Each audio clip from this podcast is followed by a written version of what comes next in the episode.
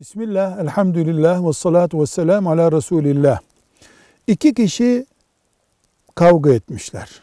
Birisinin vurduğu yumruk, öbürünün başına isabet etmiş. O günden sonra da o yumruk yiyen aklını yitirmiş. Ne yapacaklar? Cevap. Önce heyet raporu alacaklar.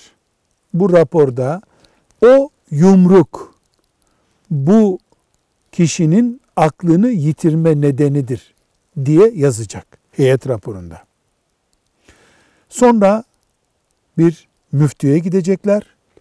Müftü onlara ödeyeceği diyeti belirleyecek. Çünkü bu tıpkı öldürmede, trafik kazasında bir insanı öldürmedeki gibi diyet gerektiren bir suçtur. Velhamdülillahi Rabbil Alemin.